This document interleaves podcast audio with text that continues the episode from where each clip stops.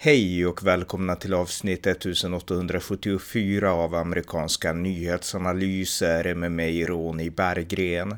En podcast som kan stödjas på swishnummer 070-30 28 95 0.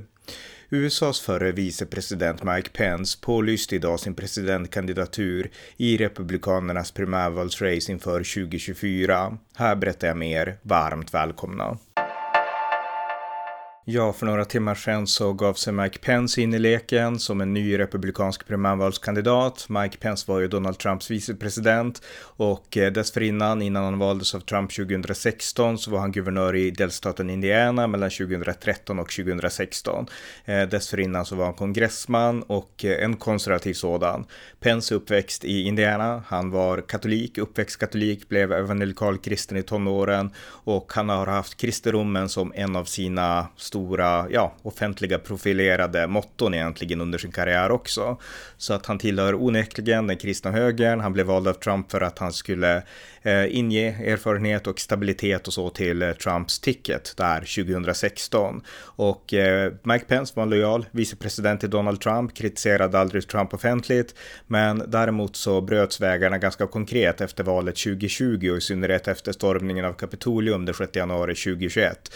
Det var ju då som Eh, Eh, eh, Trump-anhängare eh, vandrade till Kapitolium där Mike Pence hade i uppgift att i egenskap av vicepresident eh, godkänna Joe Biden som den tillträdande presidenten då segraren i presidentvalet. Och utanför så ropade de som sen skulle storma Kapitolium häng Mike Pence, alltså häng Mike Pence. De ville lyncha honom. Och eh, Mike Pence, han var tyst ganska länge, men sen började han förra året att ge en del intervjuer där han kritiserade Trump för att inte ha reagerat tillräckligt tydligt och för att ha satt hans egen familj i fara och för att ha huggit honom i ryggen, övergett honom helt enkelt bara för att Mike Pence då ville följa konstitutionen. Så att Mike Pence och Donald Trump, de är inga vänner och i höstas så började det bli mer och mer tydligt att Mike Pence skulle ställa upp i Republikanernas primärval.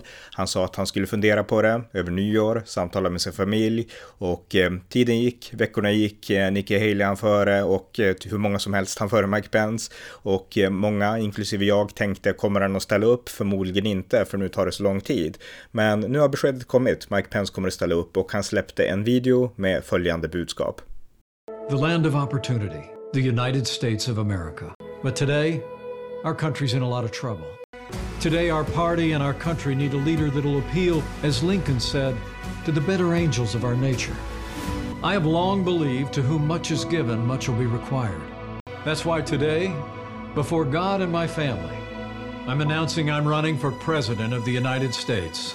Så det var ett klipp från videon där Mike Pence då pålyste sin presidentkandidatur och jag gjorde ett poddavsnitt för några timmar sedan om Chris Christie som satsar sin presidentkandidatur på New Hampshire. Mike Pence han satsar på Iowa, eh, den första delstaten då som håller sitt, eh, sitt caucus där i början av februari nästa år och eh, Mike Pence kommer att resa igenom alla 99 counties i Iowa och eh, ja, han deltar på så mycket han kan i Iowa då. Och eh, det är där som han vill få sin snöbollseffekt genom att vinna eller ta sig fram i, i Iowa och sen kunna fortsätta vidare in i New Hampshire och så vidare. Så att eh, vi får se vilka möjligheter Mike Pence har. Mike Pence är känd, han är omtyckt av många. Många respekterar honom, högaktar honom, men eh, i praktiken så kommer de nog förmodligen ändå att stödja Donald Trump. Så att Mike Pence, även om han är väl förmodligen den mest kända, förutom då just Donald Trump på den republikanska sidan. Så han har ett stort underläge, precis som alla andra efter Donald Trump. Och de flesta betraktar honom som för okarismatisk för att egentligen ha någon chans mot Trump. Plus att Mike Pence har fortfarande inte den här lojala eh, megabasen som ändå finns i det republikanska partiet just nu. Som, som helt har, liksom, de backar Trump i vått och torrt. Eh, så att eh, hur kommer det gå för Mike Pence? Eh, ja, eh, likt alla andra så är det en stor uppförsbacke. Men däremot så gillar jag Mike Pence verkligen. Eh, han är som sagt en person med stor integritet, med karaktär, men också erfarenhet erfarenhet, Jag menar, Mike Pence har erfarenheter från toppen. Han har varit med när det har stormat, han har varit med att stå, liksom, att hantera utrikespolitiken, att besegra Islamiska staten, att hantera Kina. All stor politik har Mike Pence varit med i. Och även när det gäller Ryssland. Mike Pence är ju gammal nog för att minnas kalla kriget och ha tänkt på politik och sådana saker. Han är en Reagan-republikan. i grund och botten. Så att eh, storpolitiken kan Mike Pence. Han visste hur det var att eh, stå i liksom centrum när det var hela den här woke-vågen som svepte fram och eh, som inte minst eh, slog hårt mot Trump och Vita huset och mot Mike Pence. Så att han har varit med om det och han har därtill då genom 6 januari eh, också visat att han kan stå upp till och med mot sitt eget parti och till och med mot sin egen president när så behövs. Så att Mike Pence har visat integritet och karaktär även när det stormar i den absoluta toppolitiken. Och eh, på den nivån så är det ju ingen, inte eh, Chris Christie, inte eh, Nikki Haley och inte ens Ron DeSantis prövade, utan den enda som har liksom den absoluta yttersta erfarenheten på alla de nivåerna, det är Mike Pence. Och det är en av de anledningarna som gör att jag verkligen gillar honom och stöder honom och eh, tror att han verkligen skulle plocka med sig det bästa i Trumps politik, nämligen anti-woke-politiken och eh, samtidigt kunna vara tydligare i utrikespolitiken på sätt som republikanerna innan Trump var, vilket inte betyder att man går ut i massiva krig, men ändå att man har principerna att USA är det stabila ankaret för den moderna västerländska världsordningen. Så att på så vis så gillar jag verkligen Mike Pence och eh, han citerade också ett bibelord här i, i, sin, eh, i sin video. Eh, till den som har getts mycket ska mycket avkrävas, Lukas evangeliet. Och jag nämner det därför att jag har skrivit en bok om George W. Bush, en slags lärobok om hur amerikansk valpolitik fungerar. George W. Bush och det amerikanska presidentvalet 2000. Jag skrev den boken 2017 och det här bibelordet från Lukas evangeliet eh, till den som har getts mycket ska mycket avkrävas. Det var George W. Bushs favoritord från Bibeln. Så att att Mike Pence hänvisar till det bibelord som George W. Bush ständigt hänvisar till. Och eh, det är alltid en fördel när man på något sätt kopplar till Bush också, tycker jag, som är en stor Bush-fan. Och såklart till Bibeln, som Mike Pence och Bush också gjorde då.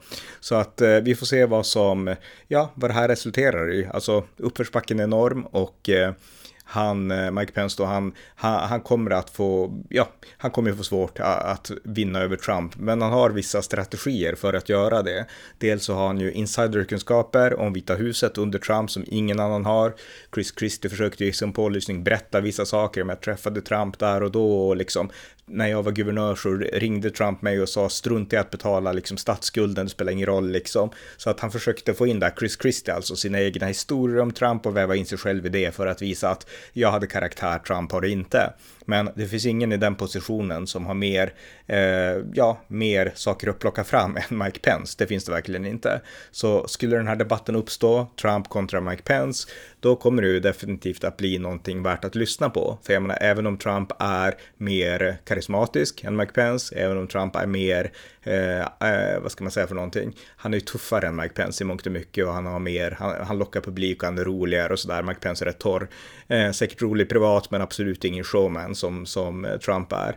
Så Eh, Mike Pence kan ändå plocka fram sanningar och säga att det här hände i Vita huset och då kan Trump försöka trolla och han kan försöka liksom vifta bort det eller försöka liksom vilseleda eller gå ut på sidospår. Eh, men jag tror att i en sån debatt, om man då skulle diskutera vad som hände bakom de här lyckta dörrarna, då skulle Pence förmodligen kunna säga väldigt mycket som skulle kännas väldigt trovärdigt. Om det sen skulle bryta igenom hos Trumps anhängare, det återstår att se. Men om det är någon som skulle kunna ta sig under skinnet på Trump så är det förmodligen Mike Pence. Så att på så vis så gör ju Mike Pence det här mycket, mycket mer spännande. Så att jag ser verkligen fram emot det här. Eh, Chris Christie som jag nämnde tidigare, han pratar om karaktär, att karaktär är viktig. Eh, Mike Huckabee, han skrev en bok 2010 som hette Character is the issue eh, som menar då att politiker behöver karaktär och det, om det är någon som verkligen representerar det i praktiken så är det Mike Pence skulle jag säga i det här eh, republikanska primärvalet. Så att eh, jag håller verkligen tummarna för Mike Pence. Eh, vem jag stöder vet jag inte, men han ligger högt upp på listan av de skäl som jag har angett. Eh, sen får vi se helt enkelt vem som ja, kan vinna det här eh, herren på täppan-spelet mot Donald Trump som utan tvekan står i toppen. Så att eh, alla har en uppförsbacke som de måste klättra upp för och det gäller även Mike Pence. Men han visar med den här kandidaturen att han vill försöka åtminstone. Så att eh, vi får se hur långt det går och eh, jag återkommer framöver med mer uppdateringar. Tack för att ni har lyssnat på amerikanska nyhetsanalyser som kan stödjas på swishnummer 070-30 28 95 0 eller via hemsidan på Paypal, Patreon eller bankkonto. Skänk också gärna en donation till valfri Ukraina-hjälp. Allt gott tills nästa gång.